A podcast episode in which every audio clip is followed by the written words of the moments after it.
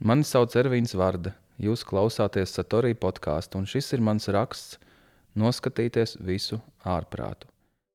Ervīns Vārda ir rakstnieks, publicists un putnu vērotājs. Šajā rakstā viņš stāsta par ceļošanu interneta tumšākajos stūros un dažādu šokējošu satura video skatīšanos, kuros redzama vardarbība, negadījumi un citas šausmīgas ainas, kā arī skaidro, kāpēc to visu ir vērts pētīt. Pēc raksta lasījuma šajā podkāstā uzdevām Ervīnam arī pāris jautājumus īsā sarunā. Tikai pavisam nesen es sapratu, ka tā ir bijis vienmēr, kopš sevi atceros. Mans prāts allaži ir tiecies uz lietu izziņu ar maniekālu rosmi, kas reiz noveda pat pie tiesas un piespiedu darbiem. Viens no spilgtākajiem šīs atklāsmes ierosinātājiem ir mans bērnības pierakstu blociņš, kas nesen tika izrakts no mammas skapja. Lapu pēc lapas tas bija piepildīts ar informāciju, kas alfabēta secībā tikusi uzkrāta bez ārēja pamudinājuma. Tur bija pierakstīti dažādu valstu dibināšanas gadi, derīgie izrakteņi, precīzi pārzīmēta DNS struktūra, kā arī fiksētas citas šķietami nenoderīgas lietas, saudabīga enciklopēdija. Vēl vairāk mani pārsteidza kompaktdiska kārbas izmēra kvadrāts, kas bija teju melns, taču, ja tajā ieskatījās, varēja manīt smalku līniju aprises. Un es atminējos, kā tapa šis kvadrāts. Es nopirku smalku, jo smalku rapidogrāfu un nolēmu visu minēto kvadrātu noklāt ar sīciņiem aplīšiem, tādiem kā ikriem, lai viss geometriskās figūras ķermenis būtu aizpildīts. Man tas prasīja mēnesi laika. Es cēlos no rīta, sakumpu virs kvadrāta, un no dienas dienā audu savu mikroskopisko zīmējuma tīklu. Man nebija pieejams internets, bet tas ir vājš arguments. Drīzāk jāatzīstas, ka uzaugu visnotaļ specifiskā cenzūras vidē. Man tika liekti pūstošo rietumu kultūras produkti, jo mamma uzskatīja, ka nav nekā būtiskāka par gaumi, turklāt tieši viņas gaumi. Tādēļ no ārpasaules tiku bezmaz izolēts. Par labu bija atzīta tikai klasiskā mūzika, un klasiskā literatūra. Roks bija kaitīgs, tāpat kā datorspēles un Disneja multfilms. Ja Lotmans kādreiz teica, un šķiet, ka tieši tā viņš arī teica, ka kultūru rada cenzūra, tad arī, manuprāt, skubināja radoši mēģinājumi apiet lielo gaumes mūri un izzināt ārpasauli, kurā plauka ne tikai skaistuma, bet arī neglītuma ziedi. Reaģējot uz šausmu filmu aizliegumu, es tās sāku izgudrot pats, Tādēļ sarkanais flomasters izbeidzās pirmais, un tad to kā bezpajumtnieku reanimēja odekolona malks. Ja kāds atnāca ciemos pie vecākiem un man izdevās viņu dabūt uz savu istabu, viesis bija spiests novērot kanibālismu, izsmalcinātu slepkavību un genocīda ainas. Vienai tēva viesņai parādīja Verišķagina glezno ar milzīgu galvaskausu kalnu, pār kuru lidinās un pārlaižas kraukļi.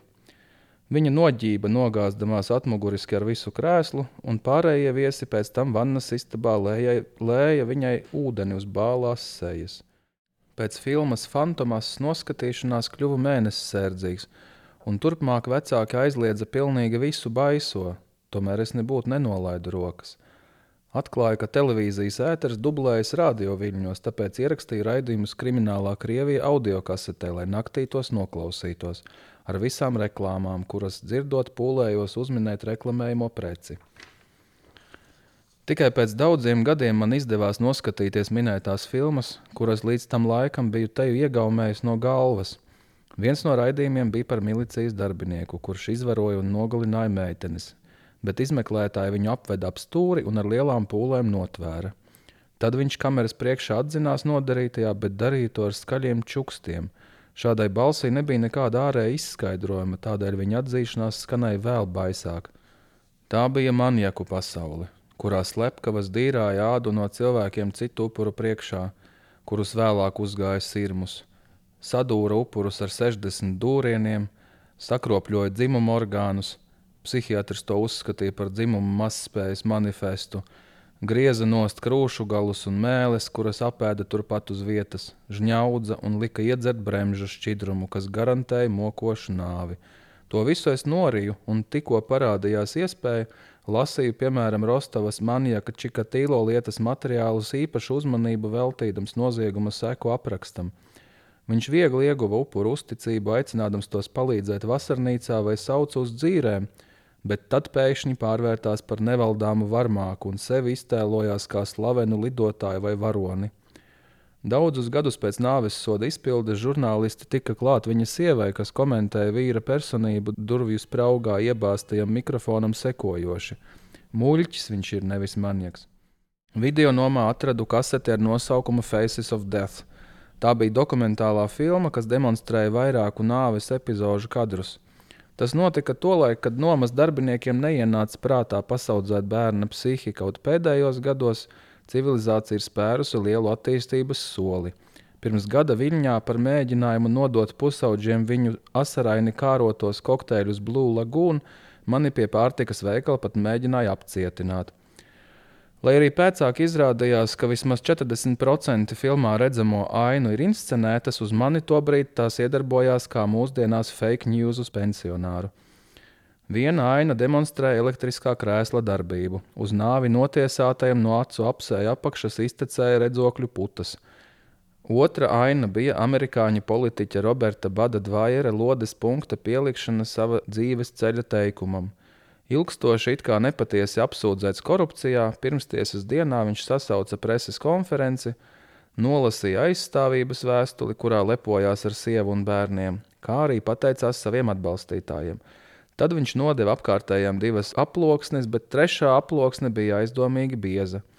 Politiķis nervozi izvilka no tās lielu revolveri, kas izraisīja klātesošo aicinājumus nedarīt to, bet Dvajers visu bija nolēmis stingri un sacīja: Lūdzu, lūdzu, pametiet istabu tie, kurus tas var ietekmēt. Es nodomāju, cik reti šādas rūpes izskan.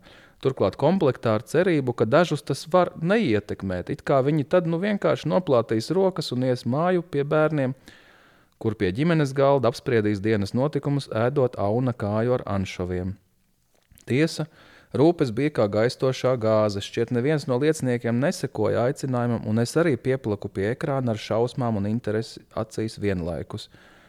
Tad Dvajers iebāza revolveru stobru sev mutē un izšāva. Viņa ķermenis saļima ātrāk nekā demonstrē filmās, proti, zibenīgi, bet pa muti un lodes caurumu galvu vidū kāpa hess lūžām gāzās asiņu straume. Līķis nu sēdēja atstutējies pret sienu, un lēnām saplaka kā balons, kamēr klātesošie vaimanāja un ierosināja izsaukt ātrā palīdzību. Tajā mirklī man šķita, ka nošāvos es pats, jo sajūtu fiziskas sāpes, un tieši tad apzināti nolēmu sākt skatīties pretrunīgu informāciju saturošus video materiālus, lai rūdītos nenoliedzami bargajai turpmākajai dzīvei un redzētu, kādi būs rezultāti. Internets mani sagaidīja atplestām rokām. Mēs ātri atradām kopīgu valodu un ceļu uz truša alu. Drīzumā es jau skatījos kāda muhamedāņu fundamentālistu grupējuma video, kurā pretiniekam tiek nogriezta galva. Gadu gaitā minētā žanra tehniskā kvalitāte ir manāmi uzlabojusies, un ISIS pat ieviesuši red kameru, Tāpat uzplaucis arī viņu dromās fantāzijas lidojums. Upuri tiek gan sabraukti ar tanku, gan noslīcināti, gan nomētāti akmeņiem, gan saplēsti divās daļās, piesienot ķermeni diviem automobīļiem, gan uzspridzināti. Tomēr lielāko daļu šo materiālu vieno upuru paļāvīgais flegmatisms, līdzīgi Pjēram no Kara un Miera vai Dostojevskim uz ešafota. Viņi domā savas pēdējās domas, iespējams, vaicā sev, kā tā varēja sanākt, cer uz nesāpīgu galu vai pielūdz to pašu Allahu, kura dēļ mirs. Galvas nogriešana ar vienu zobena cirtienu novērojama reti. Bieži vien process tiek uzticēts nemākulīgam grupējuma loceklim ar trulu nazi. Pamazām atskārtu, ka daļai pats kļūstu par šīs informācijas mērķa auditoriju, un tas kļuva biedējoši, tāpēc nolēmu propagandas materiālus ar vardarbību ignorēt. Ar laiku tīmeklis izstūma vardarbīgos video acīm neredzamajā sektorā, kur tos var atrast tikai tie, kuri domā, ka viņiem to vajag. Viens no pamanāmākajiem gadījumiem, kad nerūdīti cilvēki masveidā sastapās ar to, kam nebija gatavi, bija video ar nosaukumu Two Girls One Cup. Tas bija kādas brazīliešu fetišistu pornofilmas traileris. Tajā tiek demonstrēta defekācija un vemšana, kaut režisors ir apgalvojis, ka fekālijas bijušas neīstas un sastāvējušas no saldāju, saldējuma, pupiņām un zemes riekstu sviesta, jo aktrises atteikušās rīt īstus ekskrementus. Zīmīgi, ka ļoti daudziem cilvēkiem radās ideja parādīt šo video saviem radiniekiem, kolēģiem un pat slavenībām, bet viņu reakciju nofilmēt un ievietot internetā. YouTube redzams, ka šo video skatoties vienaldzīgi nespēja palikt pat kareivju grupa. Kāds vestētiņš pie monitora nespēja saturēt vemšanas instinktu, citvieta video tiek demonstrēts no klēpja datora vecākiem guļamistabā. Es šos cilvēkus uzlūkoju ar zināmu skaudību, jo, manuprāt, šāds process var būt gan savstarpējas uzticēšanās, gan brīvības rādītājs. Nevienam par to neliek tupēt kaktā uz zirņiem. Vēlāk šāda satura patēriņam sāka kalpot formi, kur apgrozās anonīmi. Šis jēdziens gan jāuztver kā nosacīts lietotāji. Turklāt informācija tāda tipa platformās tiek uzglabāta īslaicīgi.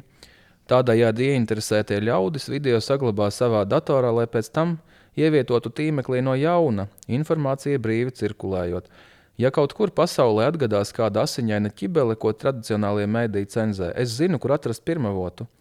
Napoleona kara speciālists docents Sokolovs Sanktpēterburgā sazāģējis savu draugu ar zāģi un iecerējis viņu pa daļām noslīcināt Mojkas upē pie restorāna idiots. Viņa mugursomā bija draudzenes rokas, taču galva palika dzīvoklī. Pēc piecām minūtēm es jau skatos uz to nogriezto galvu uz parketa, un, papētot minēto notikumu vairākos avotos, uzzinu, kas līdzināt dekonstruēto ķermeni, viņš devies gar Raskoļņikovu māju. Šī informācija man var noderēt. Es zinu, kā atšķirt tritonu no ķirzakas, kā ražo korķus, kā cietumnieki mēdzais dzimumlocekļu ādas ievietot bumbiņas, kas veidotas no zobu birstas kāta, jo tic, ka tas palielina partneres baudu.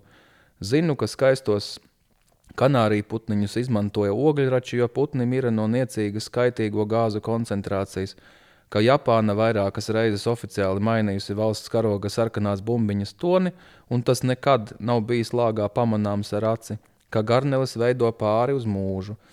Ja kāds ierunājas par slēpošanu, es nekavējoties saku, vai tu zini par Gernotu Reinstadleru? Tas bija austriešu slēpotājs, kurš sapinās tīklā un guva nopietnas traumas. Esmu redzējis video, kurā viņš dzeltenā apspīlētā kostīmā uz balta sniega slīd leju pa kalnu, bet pakaļ stiepjas plats asiņu ceļš. Tonakt viņš nomira 21 gadu vecumā. Ja kāds piemin hokeju, es tad arī neapmulstu, bet saku, un Klints Makarčuks spēles laikā viņam ar slidu uzbrukumā pārgrieza karotīdo artēriju un daļēji jūga vēnu. Viņš saļima četrrāpus, bet uz ledus ātri veidojās tumša asiņu peļķe, kura pletās ar vien lielāka. 11 fani no šīs skata noģība, divi tika pie sirdstriekas, bet trīs spēlētāji vēma. Viņš zaudēja pusotru litru asiņu, bet izdzīvoja. Šobrīd salīdzinoši populārs ārprāta video žanrs ir parādu izsitēju atskaites darba devējiem un citu veidu miesiskie sodi. Kādā video krievu jaunietis dievojas, ka nekad vairs tā nerīkosies, lūdz nedarīt viņam pāri, bet soļi ir nepielūdzami. Viņa pirkstu uzliek uz beisbola nūjas un nocērt to. Pirksts pamet ekstremitāti vieglāk kā neliels koka zariņš. Citam jaunietim pie bērza pienaglo rokas un grasās atstāt mežā ziemā, kamēr viņš lūdz atdošanu. Citam pirms eksekūcijas prasa bail, un viņam ir Viņš tiek sists ārkārtīgi nežēlīgi, zaudē samaņu, gārdas, sēdz, atkal kliedz pilnā rīklē, bet sitēji uzcītīgi pilda savu uzdevumu, līdz pēdīgi salauž viņam rokas pirkstus pa vienam, skanot raksturīgiem klikšķiem. Citā video var redzēt kādu parādnieku no Rio favelas. Viņš ir kails ar nogrieztām ģenitālijām, viņu vēl dzīvu plosas suņi. Visos šajos gadījumos sots tiek izpildīts ikdienišķi, vēsi un racionāli. Es skatos to un domāju par cilvēka dabu, par to, ka ļaunumam nav vēlna sejas. Viens no būtiskākajiem ārprāta video parametriem ir ātrums, kādā aina pārvēršas kājām gaisā. Spilgts piemērs ir avārija video, kuros vēl pirms mirkļa rāmi skanējis radio vai risinājušas rutīnas sarunas, bet tad no pretī braucošas mašīnas kravas izlido ķieģeļa šķemba, Caur vējstiklam sašķēda blakus sēdētājs galvu, un šoferis aizvelsies sāk kliegt baisā balsī. Tā kliedz no ārprāta dimensijas, tā ir pirmsskaņa. Vai arī cita aina. Ģimene dodas pa ietvigu ar ceļu, viņiem līdzi ir bērns uz maza divriteņa. Tad viņš pēkšņi pakrīt brauktuves virzienā un smagais auto uzbrauc bērnam virsū. Vecāks skrien klāt automobīlim, lauza rokas, grūž auto, cerot to aizstumt un vaimanā. Tas notiek pāris sekundžu laikā un sadala viņu vēstures nogriezni kā Jēzus dzimšana mūsu ēru. Vēl viena aina. Skolēns nolēma uzrāpties dzelzceļa tiltā, Otrs to jautri filmē, lai gan piebilst, ka varbūt nevajag. Izšķirošā mirklī kāpējas atriec īssavienojums, stingrs ķermenis nokrīt uz sliedēm. Filmētājs nebeidz filmēt, mēs redzam melnu ekrānu un dzirdam viņa balsi. Oļeg, lūdzu, nē, Oļeg, lai tā nav patiesība, Oļeg, atmosties, atmosties, lūdzu, nē, es negribu. Un tā turpinās vairākas minūtes. Bet nē, ziņās uzēju, ka tā tomēr bijusi patiesība. Oļegs dabūjis ar dzīvību nesavienojumu strāvas triecienu. Cik gan daudz ir tādu mazu kapucē stērptu knēveļu, kas pārskrien ielu neatļautā vietā un kurus mašīnas aizsviež pa gaisu kā maisus. Šoferis saķēris galvu, izkāpa no mašīnas garām gājēji uzreiz gatavi linču tiesai, pat nenoskaidrojuši apstākļus. Bet man gribas nokļūt tur, notikuma vietā, sapurināt to bērnu un saukt, kā tu varēji tā rīkoties, vai tad tev nav acu? Tev taču ir teikts, ka tā rīkoties nedrīkst. Nedrīkst un viss. Tiesa sauciens drīzāk attiecas uz nebeidzamām skumjām, par iekšējās un ārējās pasaules šķībumu. Es skatos un brīnos par to, kā savulaik izdzīvojām mēs paši. Varbūt mums vajadzēja kopš mazotnes rādīt visu šo ārprātu. Tiesa, iespējams, tad mēs pārāk agri nosirmotu, toties visi pārsteigumi būtu labi, jo sliktajiem mēs jau būtu gatavi. Taču pirms kāda laika es organiski atmetu ārprāta skatīšanos. Tas vienkārši pārgāja. Šķiet, esmu redzējis visu un kļuvis gandrīz pavisam imūns. Mana inteliģentā audzināšana ļāva te uzskaitīt tikai daļu redzētā. Šobrīd sēžu pie loga, esmu nomazgājis traukus un klausos debesī. Pa koka zaru tekalē zilzīlītes, bet uz žoga grozās žagata, un nezināmu iemeslu dēļ man kļūst silti ap sirdi. Cilvēki uz ielas joprojām ir cilvēki. Vieni nūjo, citi pamostas svešā gultā un vēro lustras rozeti, Citi pa otram lāgam vāra maisiņu tēju, citi celtniecības veikalā mēģina atrast pareizo krāsu, citi māca aizlodēt caurumu kastroļa dibenā, citi spēlē trīsstūri orķestrī, citi ir iemīlējušies un nevar noskatīties nevienu filmu līdz galam, citi satiekoties apkampjas, bet viens grib pārtraukt apskāvienu ātrāk nekā otrs. Citi zina, kurš vainīgs visā, bet vēl citi ir atmetuši ar roku mēģinājumiem saprast, kas te notiek. Taču es zinu, ka dzīve pati parūpēsies par ārprātu. Tai tikai jādod drusku laika. Sveiks, Ervīna. Šī ir tā podkāstu sadaļa, kur mēs um, raksta autorus iztaujājam, ko mēs nu pat esam sākuši darīt. Vai tad es pareizi saprotu, ka šobrīd tu patiešām esi no tāda drūma satura patērēšanas atteicies pavisam? Um, raksta uzrakstīšanas nepieciešamība mani no jauna tajā iegremdēja, bet uh, lielā mērā jā, es to vairs neskatos ikdienā.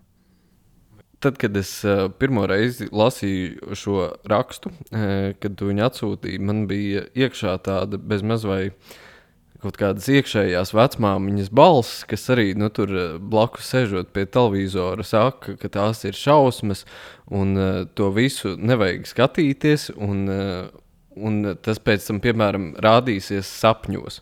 Vai tev nav tā, ka tas, eh, nu, piemēram, tev ir rādījušās visādas šausmas pēc video skatīšanās šāda tipa sapņos, un ka tas tev, nu, ka tu jūti tādu spilgtu negatīvu iespaidu?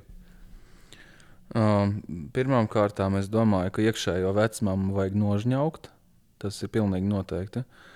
Un otrkārt, uh, es jūtu ilgtermiņa ietekmi kas izpaužas iespējams kā pesimisms. Man nav gan uh, iespējas attīt laiku atpakaļ un pārbaudīt, kā būtu, ja es neskatītos, bet uh, es noteikti varu minēt, ka tas atstāja nomācošu iespaidu. Varbūt tāpēc es arī pārtraucu skatīties. Lai gan uh, no, no raksta var rasties iespējas, ka es tik to vien darīju, un tā gluži nav. Tas ir bijis tā sērija veida, kas šajā gadījumā skan drusku divdomīgi. Uh, Uh, sērija veida interese ir bijusi par to, kas reizēm ir noplekusi uz vairākiem gadiem un, un atkal uzradusies. Un, tiešu iedarbību es nejūtu, bet uh, nenoliedzami, ka es bieži vien murgoju naktīs. Un, ja to var sasaistīt, tad, uh, tad jā. Pie manis ciemos bija mans uh, priekšnieks, un uh, es viņam arī parādīju uh, dažus video. Viņš teica, kāpēc tavuprāt man tas bija jāredz? Un es atbildēju, ka sevi cienošs, erudīts cilvēks, kas nodarbojas ar dzīves pētīšanu, kurš ir zinātnēkārs visā šī vārda nozīmēs, es neticu, ka viņš var negribēt iedziļināties dažādos realitātes aspektos. Un viņš teica, ok. Viņš noskatījās uz viņu, gan tas neatstāja tik milzīgu iespaidu kā uz dažiem citiem, kuriem gan es rādu, ja viņi tikai to vēlas, pārsvarā es neuzspiežu nekādā gadījumā. Bet uh, viņu reakcija bija diezgan mierīga. Viņš gan piebilda, ka viņš ir lasījis par uh, kaut kādu soda veidu Ķīnā, kur cilvēkam tur izsita zobus un, un izdūra acis, un tad no, nogrieza rokas un kājas, un tad viņš tur rāpoja pa zemi. Viņš teica, ka uz viņu tas ir atstājis visneizdzēš, neizdzēšamāko iespēju mūžā, bet šie video viņu neaizkustināja. Un, nešokēja pārlieku. Bet tu, tu esi rādījis arī citiem cilvēkiem, kādas ir bijušas tās pārējās reakcijas.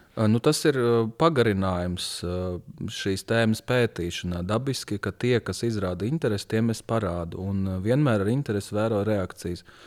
Viena lieta, ko esmu novērojis, ir, ir iepriekšējās dzīves pieredzes svarīgums. Ja cilvēkam ir maz gadu, nu, nosacīti maz, jeb viņa viņa Uh, ja, ja viņa biogrāfija ir bijusi ne tik spilgta kā, piemēram, man, tad viņš uh, krietni jūtīgāk reaģē uz visu šo informāciju. Radot arvien briesmīgākus video, es attopos, ka, ka viņš jau tos, kurus es nemaz neuzskatu par briesmīgiem, viņš uzskata par ārprāta video.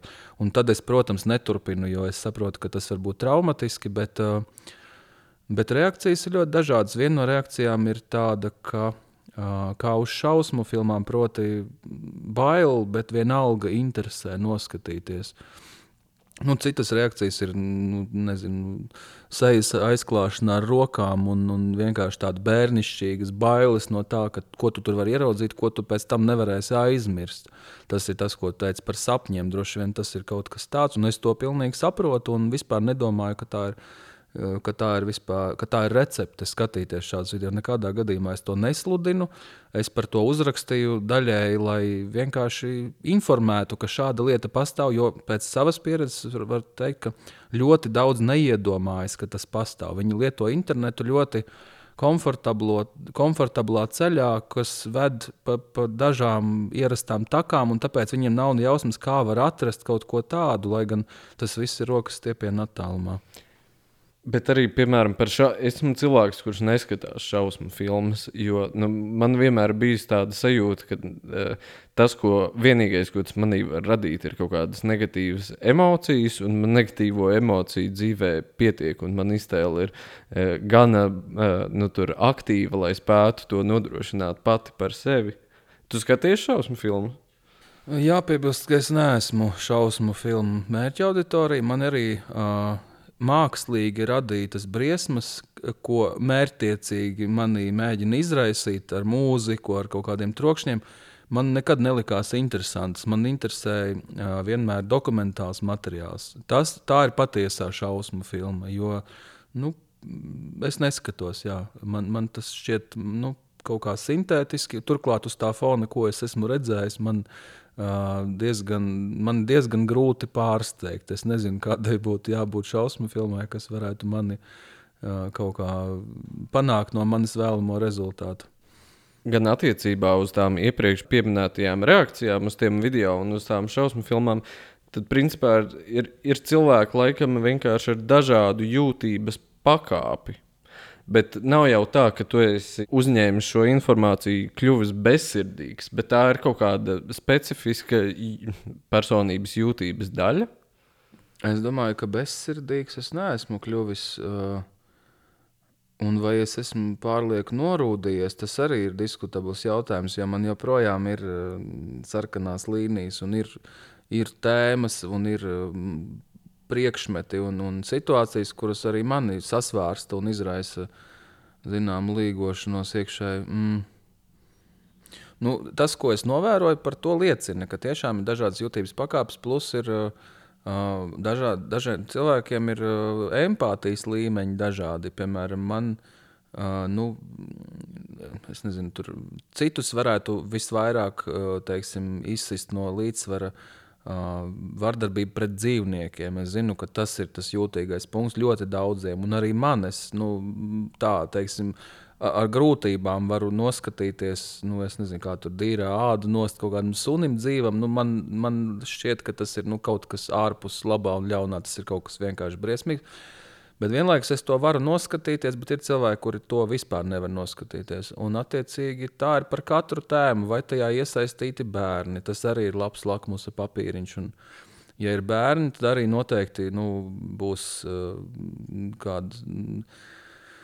Uh, paralēlā dzimuma pārstāve, kas noteikti to nevarēs noskatīties. Tas ir normāli, tas ir dabiski. Un, uh, tur, nu, katrā ziņā, jā, uh, jūtīgums tiešām ir ārkārtīgi atšķirīgs. Un, uh, un tas pat nekorelē ar dzimumu. Tas ir vienkārši vai nu kaut kāda psihiska struktūra, vai nu iepriekšējā pieredze, kā es teicu. Jā. Citkārt, tavā rakstībā, nu, par spīti tam. Uh, šis raksts varētu likt domāt, ka tu dzīvo tādā tumšā uh, sajūta spektrā ikdienā, bet tev jau tā rakstība lielākoties ir tāda, manuprāt, tendence pretī kaut kam gaišam. Un tieši tādai empātijas veidošanai un kaut kādai uh, kopīgā meklēšanai starp cilvēkiem. Interesanti, ka tas ir kontrastā ar šādu intereses posmu. Nu, varbūt šeit ir nu, sazarojas divi jautājumi. Vai nu tas, ko tu saki, kopīgā meklēšana ir kaut kāds uh, psihiskās pašsaglabāšanās mehānisms, kas izveidojies pateicoties tam, uh, tiem ārprāta video, vai nu vienkārši cilvēks ir daudzslāņains.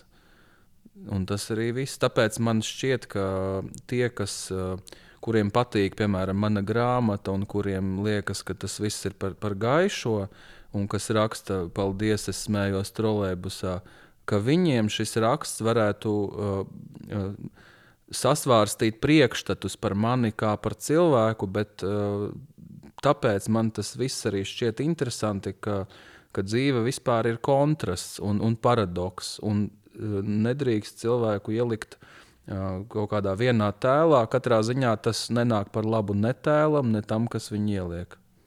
Vai ir kaut kas uh, konkrēts, cits uh, jauns, pie kā tu šobrīd strādā uh, paralēli publicistikai? Nu, jā, ir vairāki, ir vairāki projekti. Viens ir uh, raidījums par Latvijas upēm, kuram es rakstu fona tekstus. Es eju cauri uh, lielai, lielam daudzumam literatūras uh, arī kaut kādas specifiskas, nu, piemēram, es visu laiku uzduros kaut kādai mūsdienu dzējai, pašizdotai, ļoti sliktas kvalitātes pašizdotai dzējai, un, un es nu, nevaru to arī neizlasīt, jo man interesē. Un paralēli vēl ir visādi pasūtījumi, un tā skaitā man jāraksta nākamā grāmata, bet tam gan man neatliek vairs laika šobrīd, bet tas ir ok. Tagad, eh, šajā brīdī, šajā dienā, kad mēs rakstām to podkāstu, eh, kopējais noskaņojums ir visai drūms saistībā ar pandēmiju. Un uh, vienlaikus cilvēki ļoti daudz laika pavada internetā. Es nezinu, ko tu ieteiktu cilvēkiem, ko meklēt, ko skatīties, ko patērēt, ko lasīt. Man nesen piedāvāja tādu opciju spēli, pareizāk sakot, ieiet Wikipēdijā un no jebkura raksta mēģināt ar piecu klikšķu atstarpi tikt līdz Hitleram. Tā man liekas brīnišķīga spēle. Man izdevās, ne, bija, nostājums bija no četriem klikšķiem. Man izdevās no pieciem, turklāt no kaut kādas nu, ne no Vāgnera, teiksim, tā bija tālāks ceļš, bet, ja tu piedomā, tad tu vari to ķēdi diezgan labi iztēloties. Ja tur parādās kaut kāda ģermāņu mitoloģija, nu, tad tu esi tuvu. Vai tur nu, tas pats Vāgners līdz ar to. Man šķiet, ka šis laiks varētu būt uh, labs tam, lai pārskatītu savus internetu lietošanas paradumus. Un, lai nonāktu tur, kur tu nekad neesi bijis, ir jāsteigā pa ceļiem, pa kuriem tu nekad neesi gājis. Uh, Līdz ar to man, es varu ieteikt šādu lietu. Piemēram, YouTube var atstāt video ieslēgtu un ļaut uh, viņam ieslēgt arī nākamos video, un, nezinu, un, un atstāt datoru ar izslēgtu skaņu, lai visu dienu tie video turpina rādīties. Un tad dienas beigās paskatīties, kur viņš ir nonācis. Un reizēm tur ir diezgan interesanti atklājumi. It sevišķi, ja paskatās arī vēsturi, ko viņš piedāvā. Uh, Cita brīnišķīga sadaļa Wikipēdijā ir nejauša lapa. Tas gan laikam vairāk darbojas angļu Wikipēdijā. Tas arī var diezgan interesantos ceļos aizvest. Un vēl Wikipēdijā ir uh, sadaļa interesanti, interesanti, uh, interesting articles, interesanti ieraksti. Un tur ir um, jomās sadalīts, proti, ir literatūra, ir māksla, ir medicīna, ir geogrāfija. Ar, zem katras no šīm sadaļām ir diezgan prāvs daudzums ar visādiem um, fun facts, kā tagad saka. Bet uh, nu, es domāju, ka jā, ka uh, internetu lietošanas paradumi ir uh, atspoguļo cilvēka, es domāju, patieso vektoru vairāk nekā viņš to gribētu un var mainīt sevi sākot ar sevi, bet var mainīt sevi sākot ar internetu lietošanas paradumiem. Ok, paldies tev!